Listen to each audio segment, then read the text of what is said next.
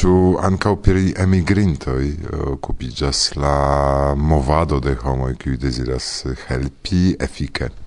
Uh, interesa demando, tiu alportas novan temon, kiu estas che se vi provas helpi efike, vi verŝajne ekmezuros aferojn, kaj pensos, ok, se mi helpas tiun homon, eble tiu homo bezonas uh, domon, aŭ bezonas manĝon, aŭ kuracilojn, aŭ tia ia feroi eh, che vi povas vidi che en tre malriccia i landoi vi povas helpi multe pli da homoi per sama quanto da mono. Tio sta suffice grava fakte. Se vi provas helpi homoi en riccia i landoi vi devos elspezi multe pli da mono por unu homo ol se vi helpas en malriccia i landoi Kai tio estas gvidas al ege malfacilan electo, fakte. Char ni havas monon, que que es si hoy de eh, la movado havas monon que hay per tiu mono vi ne povas helpi tiu in la mondo. Do vi devas selecti fakte que generale kien ni faras tiu elekton ni vidas homon kiu bezonas helpon que ni helpas rekte que poste ni vidas alien homon kiu bezonas helpon que dias ah fek mi ne plu havas monon. Kai en efika truismo ni provas rigardi antaŭe kiu i bezonas helpon kai que kiu ni povas pli efike helpi. Kaj pro tio ni elektas kiu ni helpas kaj do ni bedaŭri ne elektas ankaŭ kiu ni ne helpas. Kaj tio estas tre malagrabla elekto kaj fakte ni ne vere volas fari ĝin sed ni devas. Do ni devas helpi homojn kaj ni decidas helpi homojn plej facile helpeblaj do pri hemigrantoj ili venas de malriĉaj landoj sed ili estas en riĉaj landoj. verŝajne ni bezonas multe da mono por helpi ilin. Do pli efike helpi rekte al la devena lando ol en uh, al tiuj kiuj jam emigrintis. Tio estas mia uh, nuna opinio laŭ tion mi kion mi scias. Uh, verŝajne estas literaturo en la movado pri emigrantoj, do tio ne devas esti uh, considerata kiel la opinio de la movado, kompreneble. Tio estas mia propra opinio. Multaj emigrintoj nun en Eŭropo estas rifuĝintoj, kiuj timis pri sia vivo enlande en Sirio, ekzemple, kaj. Okay? helpi al Sirio recte ne eblas, ĉar daŭras tie granda milito kaj al kiu helpi al partizanoj, al eh, ŝtato. Do tio estas problema, sed se temas pri altruismo, mi ne scias ĉu efika aŭ granda. Mi estis en Toulouse, en kulturcentro kiu nomiĝas Le Chapelle kai tie homoi, simplai homoi de Tuluzo portadis in kai metis in sur tablo por ti tiuj sirianoj emigrintoj fakte aŭ mm, prenu tion libere kai ti ofte ne ricai homoi qui mem ne posedas multe tamen venis kun helpo al tiuj qui posedas nenion. Dividis la reston de sia pano kun tiu kiu simple estis malsata. Ni parolas pri organizoj, kiu okupiĝas pri teknikoj helpi kaj pri filozofio, sed ankaŭ estas iu neregulita movado, simplaj homoj, kiuj agas ankaŭ efike, mi pensas. Mege ŝatas tiun historion, fakte mi kredas, ke tiu agado estas tre bela, kaj certe estas altruismo, certe estas neniu dubo pri tio. Kaj fakte mi kredas, ke se ni provas analisi tion lau efficat truismo vid punto, ni povas vidi che versane tiui homoi cui faris tion, se ili ne farus tion, ili eble ne farus alian afferon. Do, tia maniere, tio estas multe pli efica ol ne fari. Compreneble, fari agon quo estas altruista, gi estas pli efica ol uh, fari nenion, certe. Certe. kai poste mi credas ke pri imigrantaj ankaŭ estas multe da politikaj demandoj. Sed generale oni ne havas la politikan povon kaj precipe la movado efikatruismo havas neniun rektan politikan povon. Do oni ne povas decidi o oh, ĉu akcepti aŭ ĉu ne akcepti la imigrintoj ĉu ne? Sed oni povas kunlabori ĉar mi pensas ke konsilo al registraroj kion fari en iuj krizaj momentoj de homoj kiuj pri tio volontule okupiĝas. Eĉ estas necesa politikistoj ofte orientiĝas pri sia propra kariero kaj mm. promesoj, sed tamen ili havas monon kaj ni povas eh, iamaniere eble ne instrui ilin, sed eh, instigi che oni povas tamen rigardi tiun flankon, che estas grandai bezonoi, kai tiu grandai ni oni povas ia maniere solvi. Yes, certe. La politica agado estas sufiĉe complexa campo ni bezonas havi sufiĉe grandajn asocion.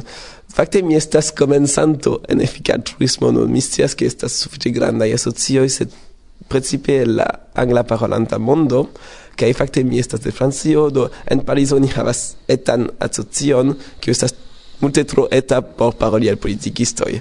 Do en Parizo ni ne multe agadas politike, sed existas grupo en Genevo, qui ou provas influi ricte al uni egitai uh, eh, nazioi. Do tio estas eh, uh, suffice interesa, facte.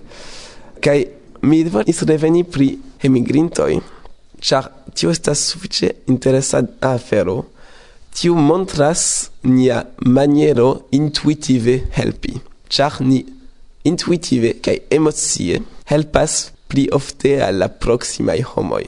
Do, unue al sia familio, al siai amicoi, au al membroi de sia comunumo, au facte, emigrantoi estas homoi kiu ni vidas. Ni vidas ilin ke, oh, ni vidas, oh, estas granda quanto da sufero, grandai problemoi, ni devas helpi, ke tu estas ege bona. Sed anca estas multai homoi kiu estas en teruracai situazioi, kiun ni ne vidas. Kaj ni credas ke filosofie, la facto que ni vidas ilin au ne vidas ilin facte ne gravas.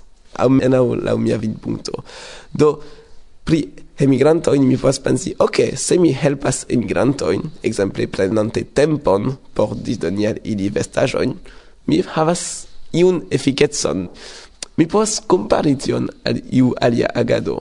Sed tio denove causas malfacilan elekton kompreneble sed imago que Do mi fakte estas instruisto, mi povas doni kursojn de matematiko. Do se mi prenas unu horon, mi povas helpi rekte, aŭ mi povas iri doni kurson, kaj mi ricevos eble dudek erojn, kaj mi povas uzi tiujn dudek erojn por helpi iun aliloken en la mondo. Se mi laboras du horojn, mi povas ricevi kvardek erojn, kaj mi povas doni tion al iu asocio, kiu curacas tracomon. Tracomo estas malsano de la oculoi, kiu igas vin blinda. Do, se per maximume gvardec eroi, vi povas curaci gin, kai la homo ne estos blinda. Estas uh, multai homoi, ec infanoi, kiu igas blindai pro tiu malsano en malricai londoi, kie oni ne havas kvardek eroi por helpi ilin. Finfine, ciu pli bone doni vestajoin al hemigrantoi citie, au permesi al iu kiu estos blinda por sia tuta vivo ne esti blinda. Sub condicio che la organizo al kiu ni donacas monon estas fidinda. Ĉar aperas multaj organizoj kiuj trampas homojn, eh, ili simple uzas la homan naivecon. compreneble tio existas. Do facte la movado efic al turismo estas sufiĉe serioza movado kiu rigardas al asocio in detale. Do oni certe vidus se iu asocio estus tute fuŝa trompa asocio. Tio estas problemo kiu estas solvinda kaj solvebla fakte. Do la organizoj kiu estas konsiderataj de Givewell estas seriozaj asocioj kiu vere helpas. Mi povas sufiĉe fidi pri tio. Sed tio ankaŭ estas interesa, ĉar tio permesas pensi alimaniere. Mi ankaŭ povas pensi, ok, unue se mi pensas anstataŭ la homoj kiuj mi helpas, ĉu mi preferus ricevi vestaĵojn, ĉar mi malvarmas, aŭ ne esti blinda? Grava demando, kaj okay. Verŝajne la respondo estas sufiĉe evidenta, do mi pensas ke finfine pli bonas kuraci tra komon. Kaj mi pensas, ah, fek, samtempe, se mi donacas monon por kuraci tra komon, eble ĝi neniam alvenos. Sed kio estas la probablo ke tio okazas? Por tio ni devus havi trompan asocion, kiu povas ekzisti, sed devus usesti tiu, neniu antaŭ vidis tion, kaj la mm, profecia asocio kiu taksis tiun asocion tute eraris. Tio eblas, sed kio estas la verŝajneco? Eble la probablo estas unu sur dek mil, aŭ unu sur cent mil, aŭ eĉ unu sur mil. Do mi povas pensi: OK, kio estas la matematika averaĝa bonaĵo de mia agado? Do la bonaj konsekvencoj estas: aŭ la mono iros fuŝe kun probablo unu sur mil aŭ eĉ malpli, aŭ ĝi estos vere uzata por kuraci trakomon kun probablo naŭcent naŭdek naŭ sur mil. Kaj mi povas kalkuli kio estas la averaĝa en speso pli malpli de tiuago kaj ĝi daŭre estas pli bone pli efike almenaŭ ol doni vestaĵoj matematiko ĉe eh, eh, servo dum altruismaj e agoj estas eh, sufiĉe interese konkludoj Estas multaj aferoj por diri pri efika altruismo. Mi volus paroli pri kio mi ĵus diris, ke fakte oni povas diri ke mi iom surprizigis vin, ĉu ne?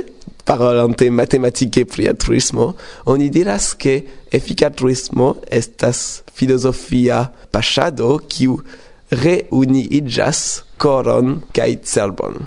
Kai tio est as la grava parto. Ni povas diri, ni ad coro volas helpi, kai ni ad cerbo stias kiel fari. Do se vi usas nur vian coron, vi helpos, sed eble ne plei efike. eble ec malbone, eble contrau utile. Kaj se vi uzas nur vian cerbon, vi verŝajne faros tre inteligentajn agadojn, sed en por tre malbonaj celoj, do tio estas ankaŭ fuŝe. Vi devas uzi ambaŭ. Karan dankon pro renkontiĝo malgraŭ malfrua tempo, ĉar tiu lingva eraroj de mia flanco kaj de mia interparolanto in estas pro tio ke ni fuŝe konas Esperanton, sed ni jam ne dormas ŝajne kvinan nokton kaj ni ĉiuj estas ĉi tie feliĉaj tamen elĉerpitaj. Koran dankon. Koran dankon.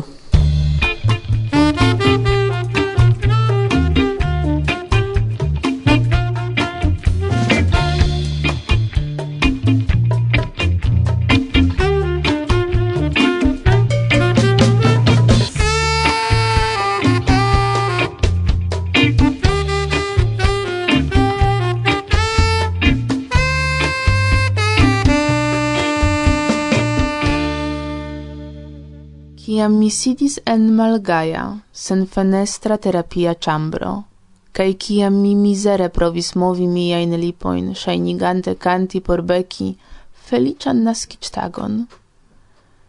Mi cerbumis ciu tiel si imagis sian dudec unuan nascic tagon. Si shainis esti felicia, sed ali flanque restis calcae horoi gis vesper mangio kia damna miraklo jetis min en tiun cilokon. Ia mi decidis nur ne maten mangi, cae tiu merda Anna faras same dum ciu tago cae neniu controlas ciu si cacas. Certe ne tiel malbonas mi kiel tiui ostai virinoi sidantei circau mi, en circlo de misero cae malespero, cun cordoi de paperai cascedoi circau siei veinai coloi. Ia nec mangis mi po unu fazolo, nec casadis to astoin, cae neniam mi lasis vom odoracion en necesseio. Discrete aperis nur unu malgranda cuceto por memor festi nascictagon de beki. Neniu premis nin, sed se ni volus, ni povus mangi gin. Tamen mi ancora ne curagis suferanta la mangian malsanon el tag libro de Yves Simons. En la mondo infectita de obsedo pri dikeco, ofte oni ne rimarkas koston, kiun pro tiu obsedo ni devas pagi, nome mangio malsanoj. Dume ili vecas seriozajn problemojn kaj eĉ honton, kiujn perdiĝas inter amaso da aliaj nutroaferoj. Autoroi de scienza raporto pri la problemo taxas, ke pro tio la brita ekonomio perdas pli ol dec quin miliardoi da funto iare. No hoso, la brita sanservo ĉiujare elspezas quin cent milionoin nur por curacado, kaj multe pli provante kontroli la kronikajn do longdaŭrajn malsanojn. Kio ec pli malbonas estas, ke la problemo evoluas – Ecde 2005 la nombro de hospitalizadoj rilate al nutraj misfunkcioj kreskis je 35%. Tamen, ecde februaro 2004 atingis pli ol 8% dum dek du monatoj. Oni taksas, ke sep mil dudek kvin mil da homoj suferas pro manĝo problemoj en Britio kaj milionoj en la mondo. El ciui qui suferas, dec procentoi estas anorexei. Quardec procentoi bulimiai cae necontrolitai mangegoi, cae la aliei suferas je nedifinitai problemoi. Anorexio estas prescribita kiel condicio en kiu homo provas atingi la plej malgrandan eblan pezon per malsato kaj troa fizika penado bulimio aperas kiam okazas periodaj atakoj de voraceco, post kio la paciento instigas vomadon au uzas laxativoin por havi kontrolon de sia peso. Sia vice, la nekontrolita manĝego estas deviga manĝi grandajn kvantojn de manĝaĵo en mallonga tempo. Kiam temas pri anoreksio, la averaĝa longo de la malsano estas ok jaroj, kvankam ĝi ofte plilongiĝas kaj kvankam kvardek ses procentoj de homoj povas resanigi, bedaŭrinde dudek procentoj mortos, kaj tio estas la plej alta procento inter ciui mensaj malsanoj. En ĉi tiu grupo kvardek procentoj mortos pro suicido, do memmortigo. cae la ceteraj pro neevitebla manko de efiko de internaj organoj, pro manko de tauga nutrado. Malantau tiui nombroi casigas milionoi da dolorai tragediai racontoi. Mangiai malsanoi pushas ia homoi en ian abismon, malagrablan cae sen esperan, cio igas nehaltigebla problemo, cies victimoi detruas sin antau oculoi de siei proximuloi. Mangio malsanoi detruas la psicon cae corpon de multae intelligentai cae belai, sed malfeliciai estajoi. Ciu, ciu rencontas ilin scias la detruan potenzon de tia malsano. Gi povas rompi la plei fortain familioin, malfortigi la emon de la plei curagiai cae fini cruele ec la iunan vivon. Dum ciam ni vidas tiu in problemoin de sano, kies simptomon de simpla vanteco, cae neniel ni reagas, ni aldonas ec plida sufero al familioi, kiuin tuŝas tiu malfelicio sed kiel helpi? Ien la demando. Martusia.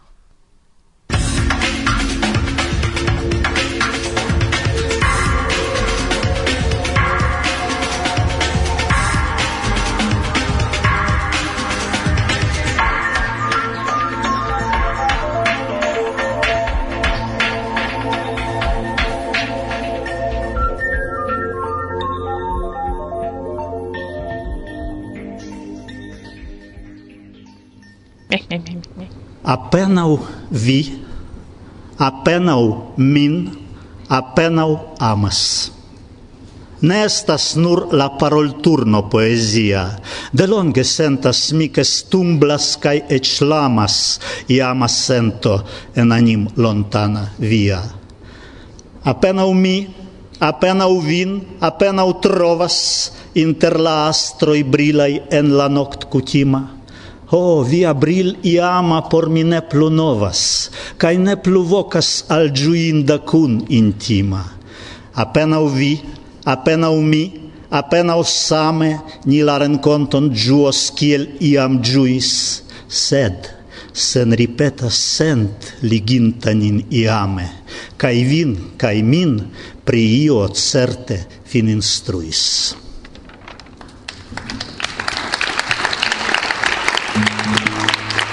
La canto creita in traino mi veturis al la urbo kie mi ne estis dum de kvin jaroj. La urbo non nomas urbego de fiancinoj Tio estas rusa urbo Ivanovo, kie estis kaj nun estas nur teksaj, kudraj kaj aliaj fabrikoj, kiuj ne antaŭvidas laboron por la viroj, do tie eh, okdek procentoj de loĝantaro estas virinoj. Terura afero. Ĉu ne?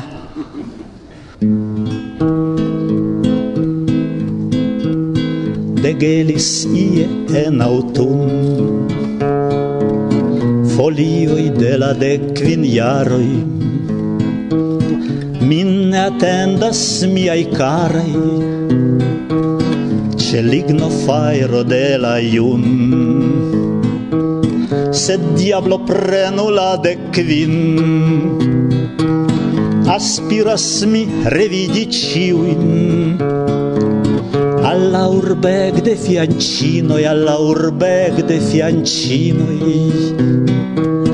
Traina cotta trenas min, ah, miai amitai, amatai, amotai, ja restis olum bildoi kai fotoi, mi clinas genuin, indulgon petante, Mi pretas glorigi vin verse kai cante mi revin vidas en sonjo eremitai ah miaj amotai amatai amitai.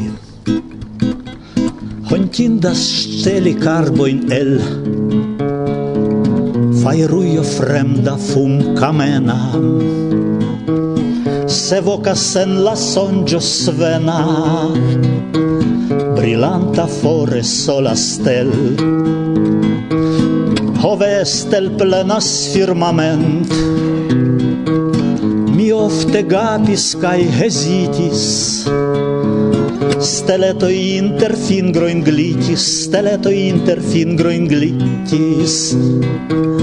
Doninte varmon por moment, ah miaj amitai, amatai, amotai, ja restis almenau lumbildoi kai fotoi, mi clinas genuoin, indulgon petante, mi pretas glorigi vin, verse kai cante, mi revin vidas, en songe eremitai, ah miei, amotai, amatai, amitai,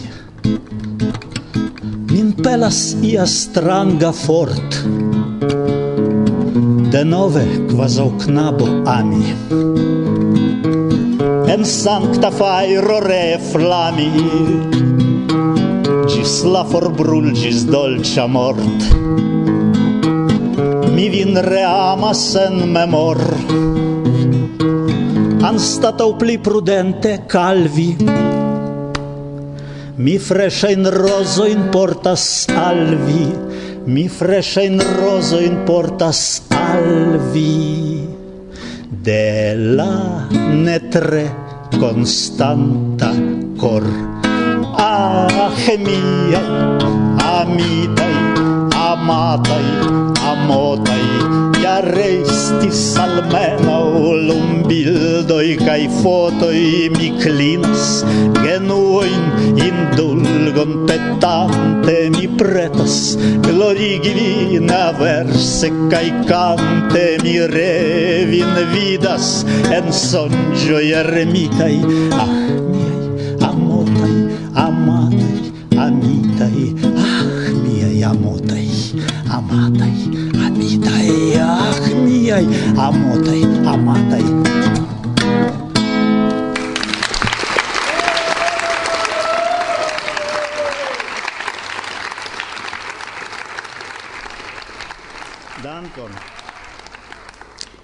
Saluton. Mi estas Ana Manero kaj invitas vin al angulo de Miguel Fernández. Autuna balado. ci autune mi desirus transigi de edzo en amanton. Vecigi re en viai bracoi amo, kiel tiam, cun la delicia sento che ni pecis, o la volupta ticlo de la peco, morte. Cai peci plu, gis plena el cerpigio, gis plena cai eterna cai mirinda condamnigio, cune cum vi ni poste danzus la contrauvalsan valson de Ravel au la miltactan valson de Jacques Brel cae la friponan tangon el andalusa hundo. Vango sur vange cunai, mano sur polme cunai, coxo sur coxe, cae coltor de cunai, kiel tiam.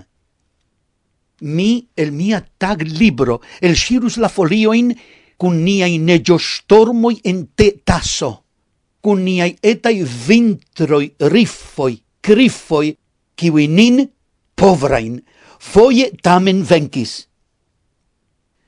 Mi grimpus sur la supron de via rev plei alta, cae igius sun por ade gin prilumi.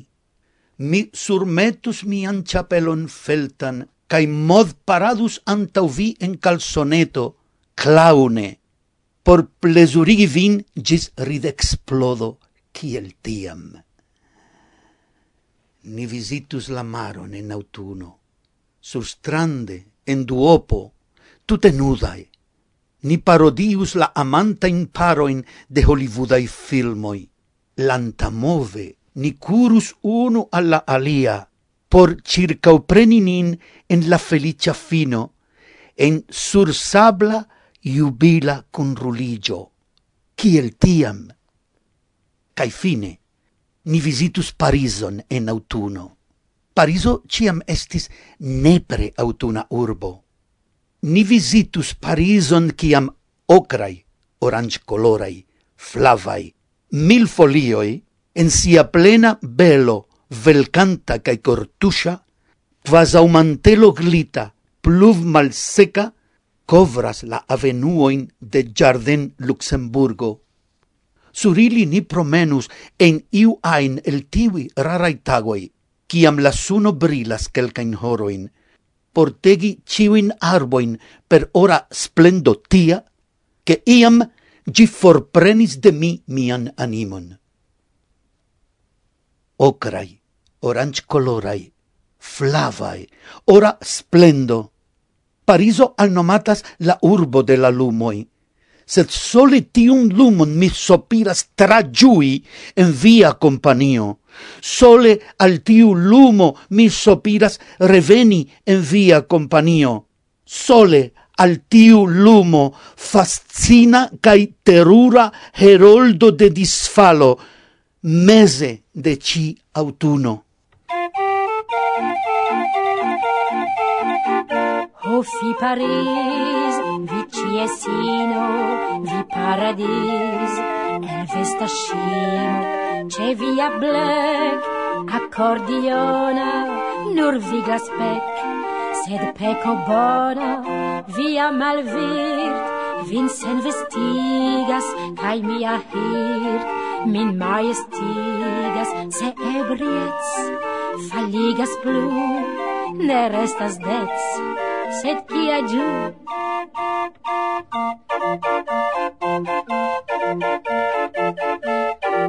La la la la, mais c'est si bon.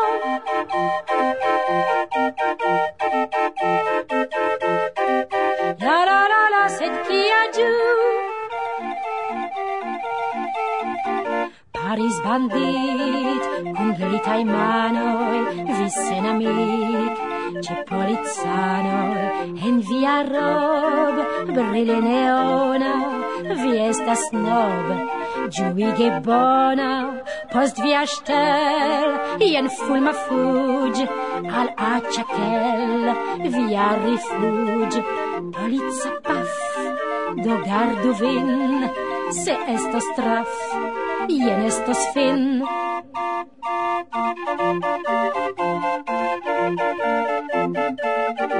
La la la la, sed a giù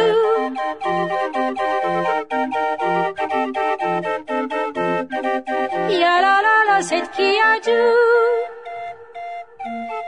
Ah, fia Paris. Paris canaila. Paris bandita. Sed kia giù, sed a giù. Saluton, mi estas Silvia kai mi invitas vin al angulo de Livendek. En la verco ne existas verdai steloi, kiu consistas el sesdec micronoveloi cun supplementa novelo pli longa, eldonita de Mondial, ien la malsama infano. Ciam li sopidis esti ordinara infano, simila alla ceterai samagiai infanoi. Li vestis inciel ili, imitis ilien gestoin cae ir manieron, usis iliam palan lexicon, iliein fivortoin. Nocte li pregis cun la espero che Dio el audu lin, cae forigu lian insidan differenzon. Sed Dio surdis al lia desiro, cae li devis vivi sulla peso de sia malsama naturo. Cimatene li aligis al gruppo da petolemai cun lernantoi, por sturmi persiceion. Sed, ciam li volis imitis iam camaradoin, ciui gaie mangis la stelitaen persicoin, cae gardis la cernoin por semado, li rigardis cum mal gioio, che, anstatau cernoin, liei persicoi entenas diamantoin.